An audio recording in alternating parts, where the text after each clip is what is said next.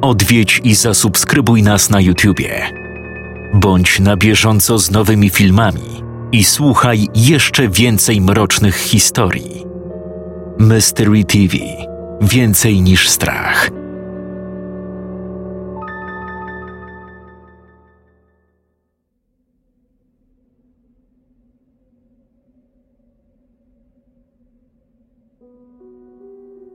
Dwudziesty czwarty lipca, godzina dwudziesta druga czterdzieści osiem.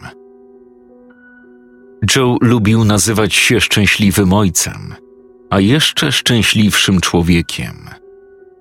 Jego córka Lara była niezwykle mądrą dziewczyną, a rodzice Gladus i Leonard, mimo podeszłego wieku, trzymali się naprawdę bardzo dobrze.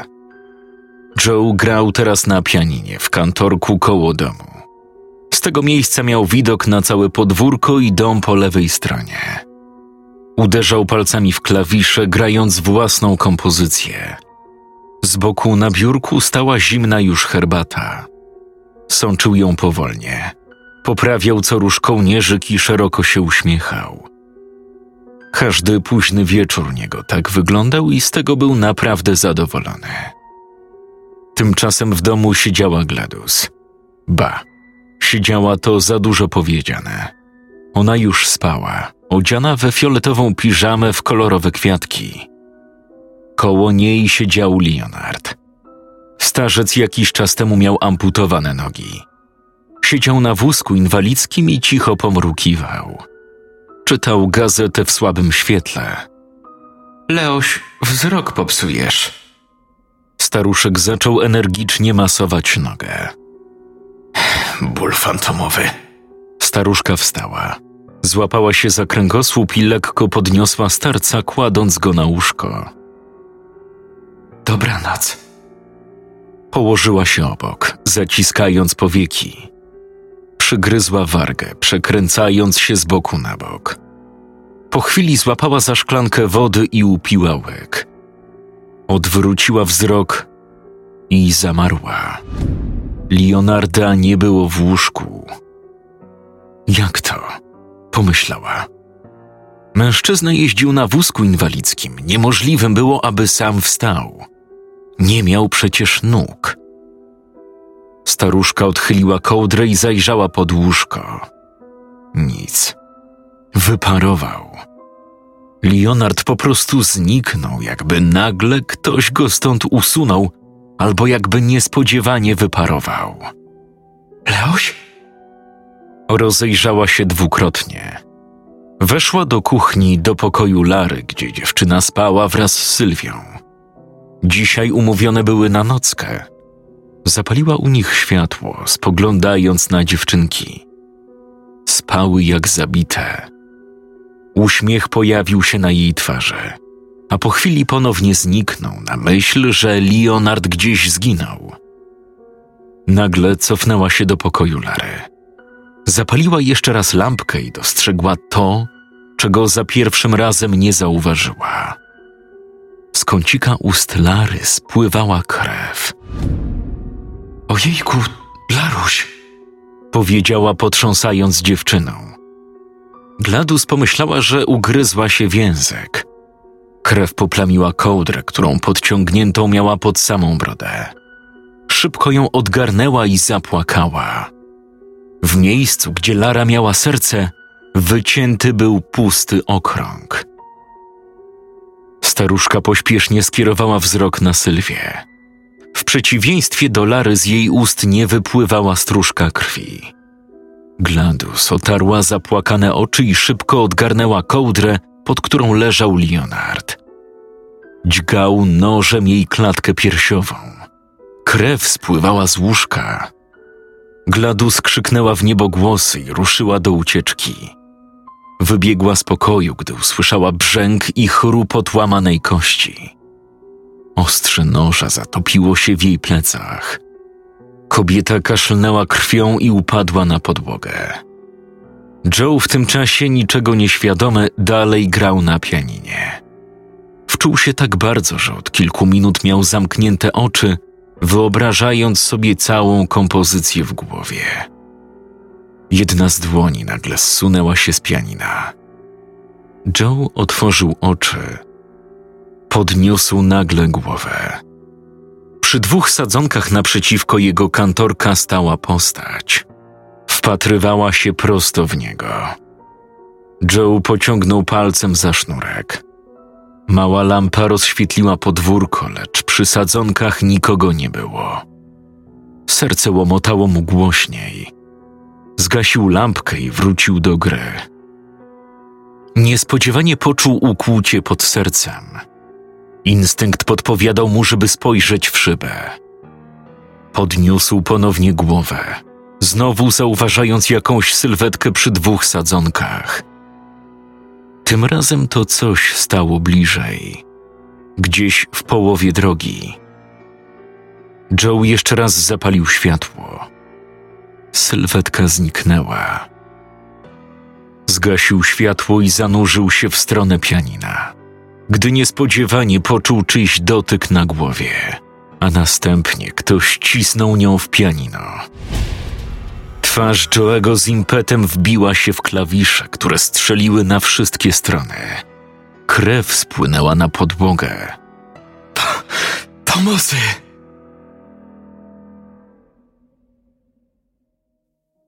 Dwudziesty trzeci lipca, godzina piętnasta. Ewelin błąkała się po domu. Tamtego dnia nie chciało jej się nigdzie wychodzić. Minęło już kilka dni, odkąd poznali Barbrę w tamtym domu a także stanęli twarzą w twarz z tamtym mężczyzną. Dziewczyna nie pamiętała za wiele, o mało nie zemdlała ze strachu. Mężczyzna po prostu się popatrzył.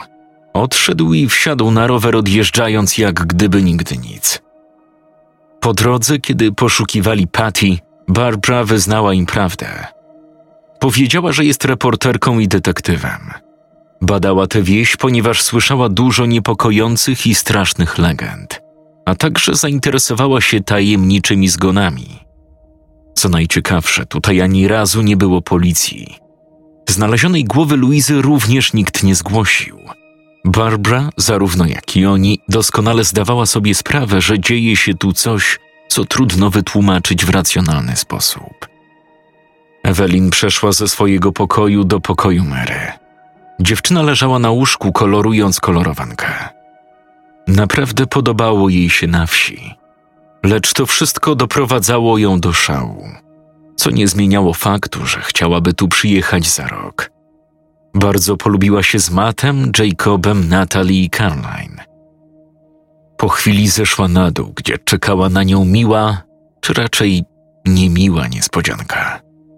Jej babcia Miriam siedziała w kuchni i rozmawiała z Jadem, tutejszym sołtysem.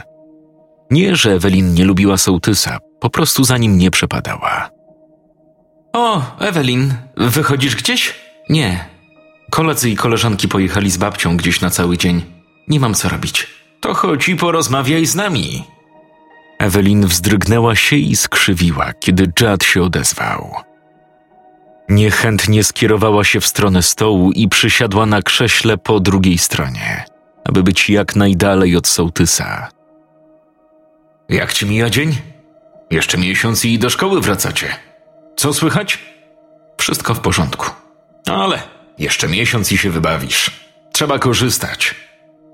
Ewelin nie siedziała długo. Po chwili pomknęła na górę. Przynajmniej tak myślała Miriam i Jad.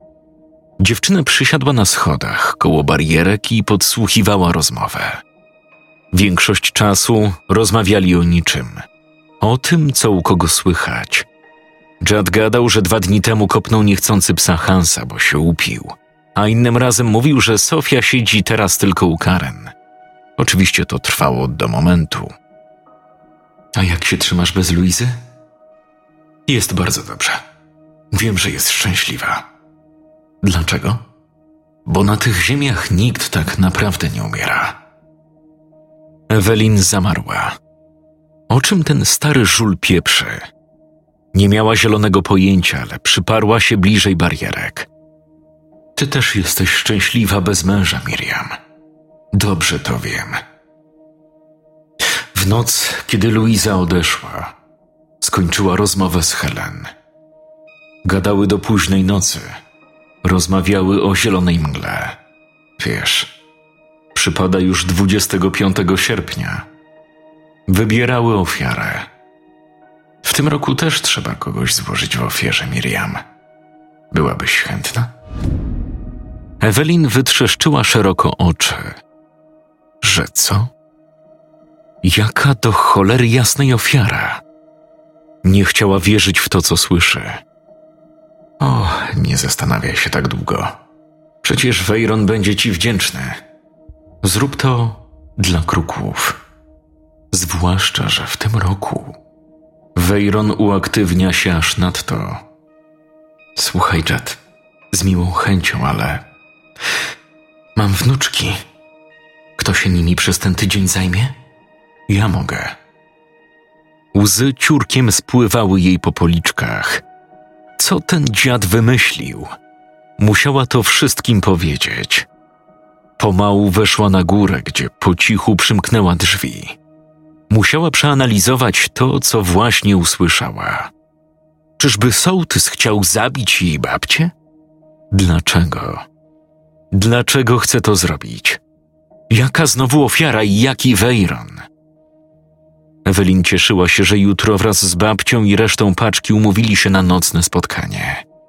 Za dnia kobieta wolała tego nie robić, ponieważ bała się, że zwróci na siebie dużą uwagę. Aktualnie Barbrze nie było na wsi. Nie chciała zgłaszać uprowadzenia Patty na policję, ponieważ ta zaczęłaby tu szperać i dowiedzieliby się, że Barbara od początku wakacji ich obserwuje. Było to zbyt ryzykowne. Poza tym Barb nie miała też konkretnych powodów, dla których tutaj przebywała. Z czystej ciekawości mogłaby rzec. Ale potem mogliby i ją oskarżyć o zbyt wnikłe wchodzenie w czyjeś życie. Kobieta znajdowała się w ciężkiej sytuacji. 15 lipca, godzina 20. Karen miała opuchnięte oczy od płaczu. Wyśpiewała Sofii wszystko, czego doświadczyła. Przedstawiała jej też swoje bardziej prywatne problemy. To, że wróciła do papierosów i brakuje jej męża. Ku zdziwieniu kobiety Sofia zaproponowała jej, że przez kilka dni mogłaby mieszkać u samotnej matki. Z jednej strony Karen tego pragnęła. Zaczęła wątpić w to, że jest z nią wszystko w porządku, począwszy od dziwnej kobiety po zjawiska paranormalne aż do na przykład stanu, kiedy nie wiedziała, co się właśnie stało. Jak w przypadku z Jadem, z którym rozmawiała, a potem dowiedziała się, że go wcale u niej nie było. Czyżby miała jakiegoś rodzaju problemy psychiczne? Sofia okazała się naprawdę życzliwą i pomocną osobą. Kilka lat wcześniej Karen spoglądała na nią z dezaprobatą była po prostu głupiutką przyjaciółeczką Miriam i Helen. Teraz jednak stała się jedynym kołem ratunkowym dla Karen. To ja pójdę się spakować i tu przyjdę, powiedziała Sofia, wstając od stołu. Nie, pójdę z tobą. Boję się tu zostać sama.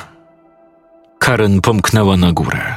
Zbudziła dzieci, ubrała i skierowała się w stronę domu Sofii. Znajdował się on gdzieś przy wjeździe do wsi, więc całkiem spory kawałek. Nina chwiała się na nogach, ale Tobi ją pobudzał.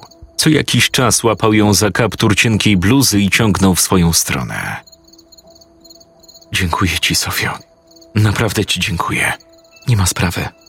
Pierwszy raz spotykam się z czymś tak dziwnym i jest to dla mnie również przerażające, ale nie zostawię sąsiadki samej.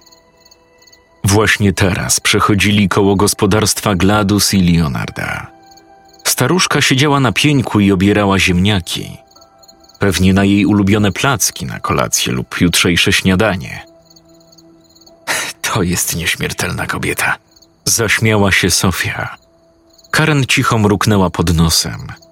Cieszyła się, że nie musi się już tak panicznie bać, a przede wszystkim, że będzie miała z kim uciąć pogawędkę z rana. Gdy dotarli do domu Sofii, kobieta pośpiesznie się spakowała. Następnie zamknęła dom na kilka spustów i była gotowa do powrotu. Gdy ponownie trafiły pod dom Karen, było po dwudziestej pierwszej. Ku jej zdziwieniu wszystkie światła były pozapalane, a przecież je gasiła. Właśnie o tym mówiłam. Jesteś pewna, że je zgasiłaś? Sofia, nie wierzysz mi? Wierzę, ale ze stresu zawsze można zapomnieć. Nie sądzisz? Karen skinęła głową. Otworzyła drzwi i weszła do środka, zapraszając najpierw dzieci. Dom rozjaśniały wszystkie lampki. Coś jej się nie zgadzało. Szybko się zorientowała, co.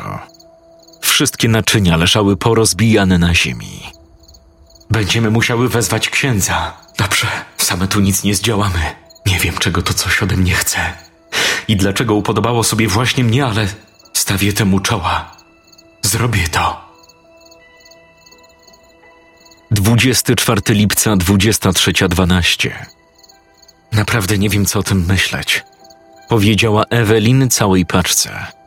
Opowiedziała wszystko, co usłyszała tamtego dnia, kiedy Chad rozmawiał z Miriam. Barbara przytakiwała głową. Masz jakieś wiadomości w sprawie Patty? Najpewniej nie żyje. Nagle kobieta przystanęła przy jednym z pomników, których na wsi jest pełno, wzdłuż i wszerz. Czym one w ogóle są? Ta myśl uderzyła ją gwałtownie. Dopiero teraz zwróciła na nie większą uwagę. Przedstawiały jakby mnicha o twarzy. Barbara nie potrafiła tego dokładniej określić. Pomniki przyprawiały ją o dreszcze. Nocą pomyślałaby, że to człowiek. Czy wasza babcia ma może mapę wsi? Chyba każdy ma. Babcia mi mówiła, że kiedyś zgubiły się tu dzieci i nie mogli ich znaleźć. Błądzili po lasach i wtedy zrobili mapy. Nie wnikajmy w szczegóły. Po prostu mi ją skombinujcie. Barbara kopnęła dwa razy pomnik, krusząc kamienie. Podniosła większe skały i położyła je na trawie za pomnikiem. Tutaj będziemy wymieniać się informacjami. Jeśli ja się czegoś dowiem, przyniosę tu kartkę. Jeśli wy się czegoś dowiecie, również przyniesiecie informacje, ok? Wszyscy pokiwali głowami. Mary przesłała Jacobowi zaniepokojone spojrzenie. Robiło się naprawdę dziwnie. Nie wiedzieć czemu Jacob nie mógł zapanować nad bólem brzucha, który ciągle się nasilał. Ich wspólną rozmowę zagłuszył krzyk. Tak bardzo przepełniony cierpieniem, a zarazem tak głośny, że Barbara niemal momentalnie podskoczyła. Odwrócili głowy w kierunku źródła hałasu. Zamarli. Po ulicy czołgało się coś, co zostawiało za sobą pasmo krwi. Pełzało w ich stronę, podciągając się na rękach i dziwnie skacząc. Dopiero gdy pojawił się w bardziej oświetlonym miejscu, Natalie zdała sobie sprawę, że to Leonard, dziadek Lary. Czołgał się tak szybko, że po kilku sekundach znalazł się już przy całej paczce. Machnął nożem, który ściskał w zębach, przecinając tym samym dłoń mata. Chłopak krzyknął i odsunął się o kilka kroków. To wasza wina! Wasza wina! I kurk! I kurk! Caroline krzyknęła i przewróciła się na ziemię. To wasza wina! Wy! Barbara cisnęła kamieniem w jego głowę, a ten bezwładnie stoczył się do rowu. Caroline była tak bardzo roztrzęsiona, że nie mogła złapać równowagi. Barb podniosła ją na nogi i odsunęła od mężczyzny. On nie żyje? Tak. Uciekajmy stąd. 25 lipca, 2.35. Joe ocknął się w kantorku. Uniósł wysoko głowę, spluwając krwią na pianino. To jednak było połamane. Ktoś grzmotnął jego głową tak bardzo, że klawisze wystrzeliły w różne strony. Nic do niego nie dochodziło. Ledwo otworzył drzwi i wypadł na zewnątrz, gdzie dotarł do drzwi frontowych. Gdy wszedł do środka, zwymiotował natychmiast. Na ziemi leżało ciało Gladys. Zanim zmarła, zdążyła napisać krwią kruki.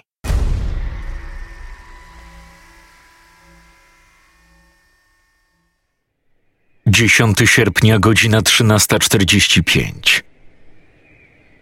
Ewelin ledwo wygramoliła się z łóżka. Była tak padnięta po wczorajszym siedzeniu z Barbrą i resztą paczki do trzeciej w nocy, że o mało tam nie zasnęła. Miriam zdawała się tym wcale nie przejmować. Minęło już sporo czasu od zaginięcia Patty, a także sytuacji z dziadkiem Lary.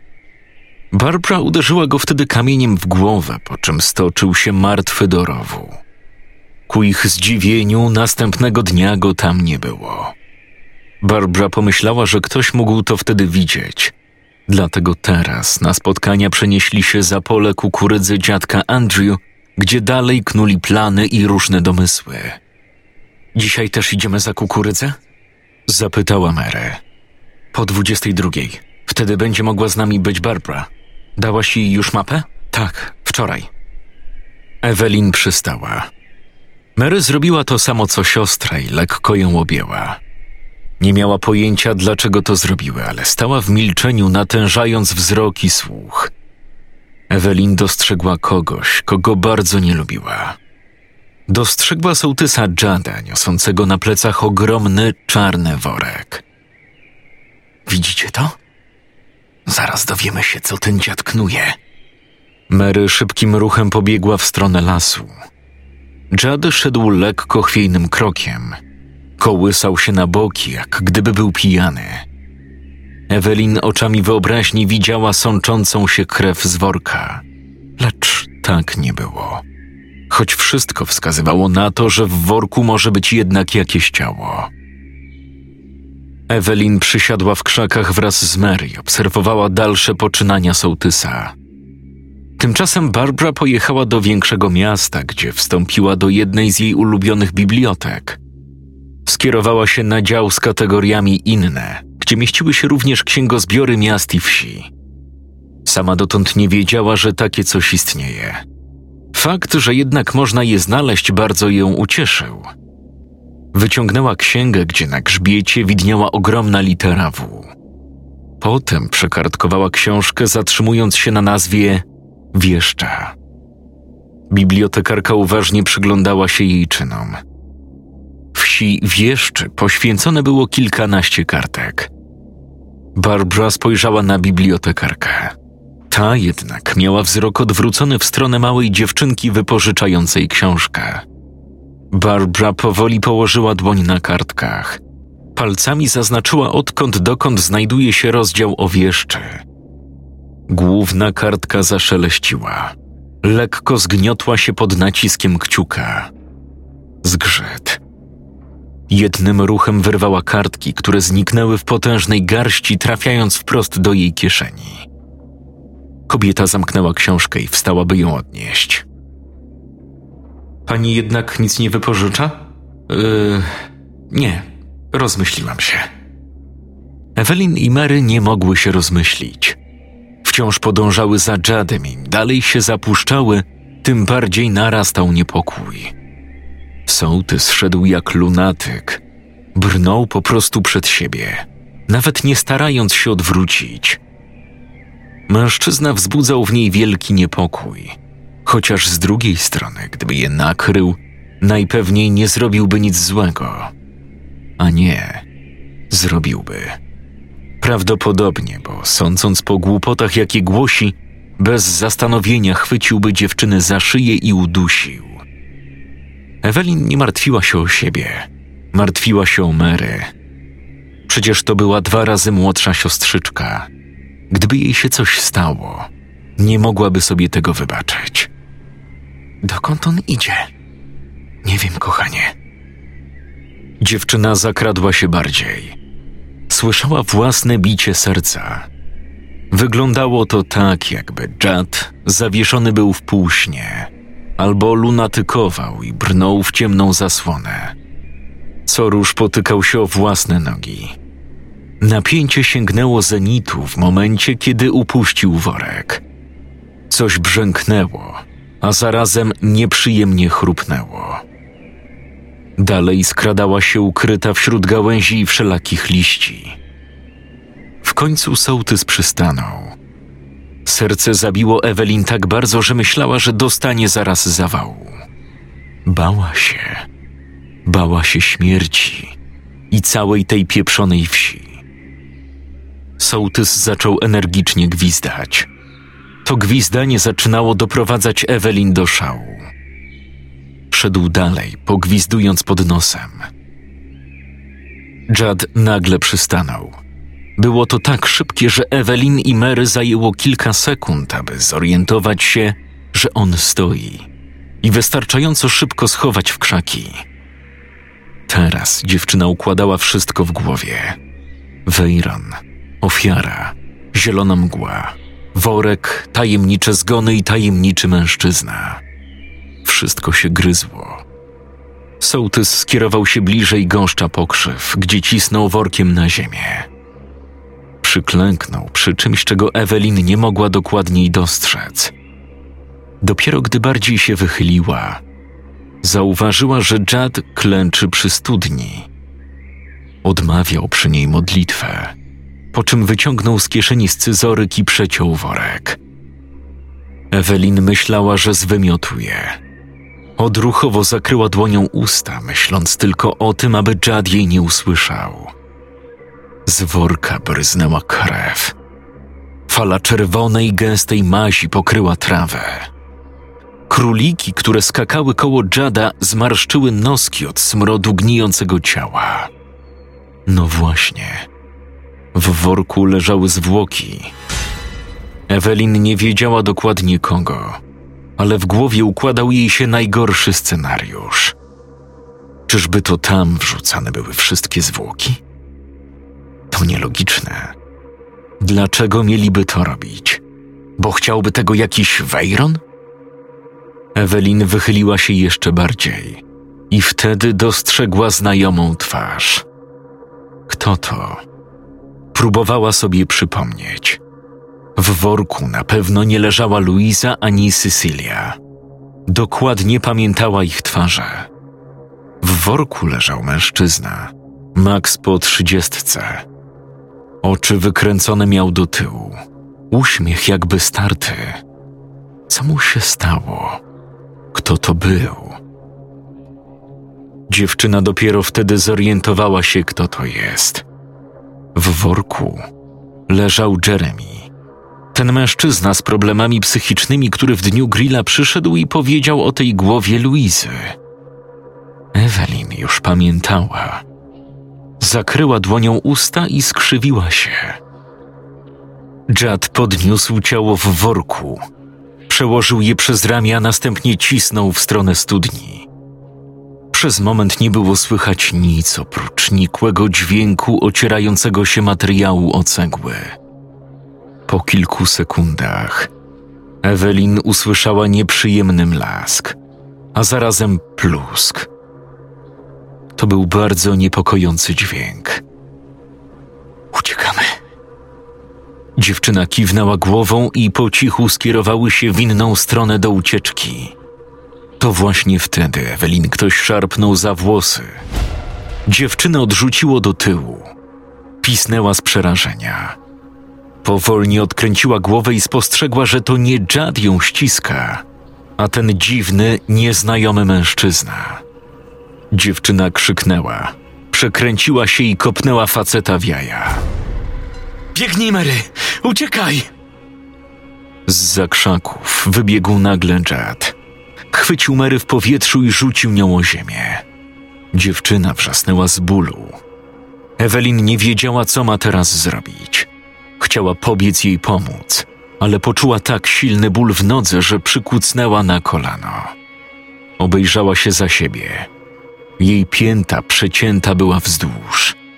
Ból był tak paraliżujący, że doskonale zdawała sobie sprawę, że nie ma już ucieczki. Odwróciła się, próbując jeszcze walczyć, ale mężczyzna podniósł się na nogi i uderzył ją z pięści w twarz. Babcia cię nie nauczyła, że się nie podgląda innych ludzi? Ewelin przekręciła się na bok. Jad szarpał się z Mary.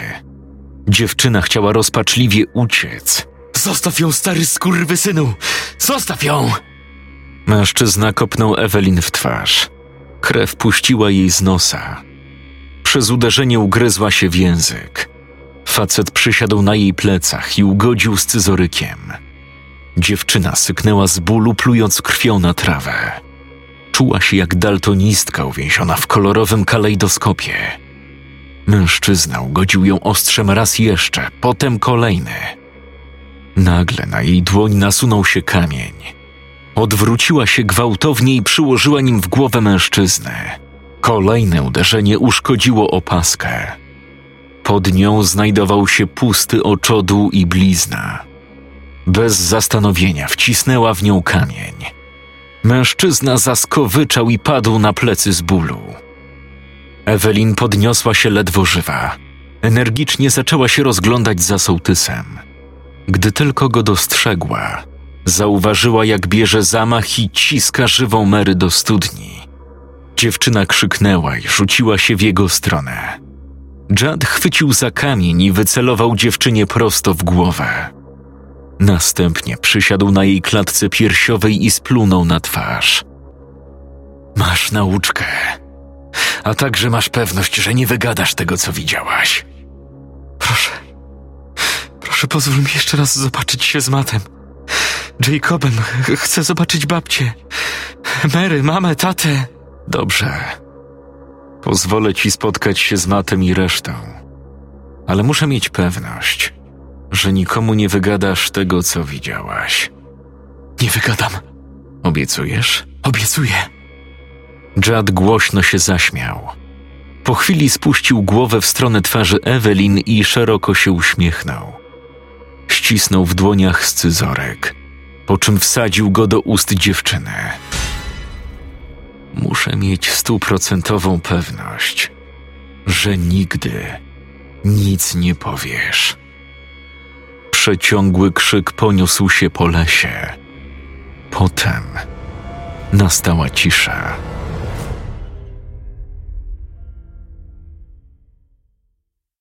Dziesiąty sierpnia, dwudziesta druga. Ewelin ostatkiem sił dotarła pod kamienny pomnik. Włożyła żółtą kartkę między cegły i zaczęła powolnie wracać do domu. Ból był nie do opanowania. Cieszyła się, że w lesie znalazła kilka kartek, na których mogła coś napisać. Chciała dać jasny znak reszcie, żeby uciekali stąd tak szybko, jak tylko mogą. W tamtej chwili przypominała lunatyka. Szła chwiejnym krokiem niczym dżad niosący worek. I nagle upadła. Sama nie mogła wyjść z podziwu, że jakimś cudem uciekła przed sołtysem. Lecz teraz wiedziała, że prędzej czy później Jad ją znajdzie.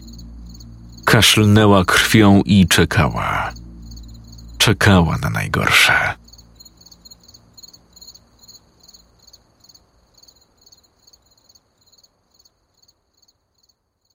Scenariusz Mateusz Górski.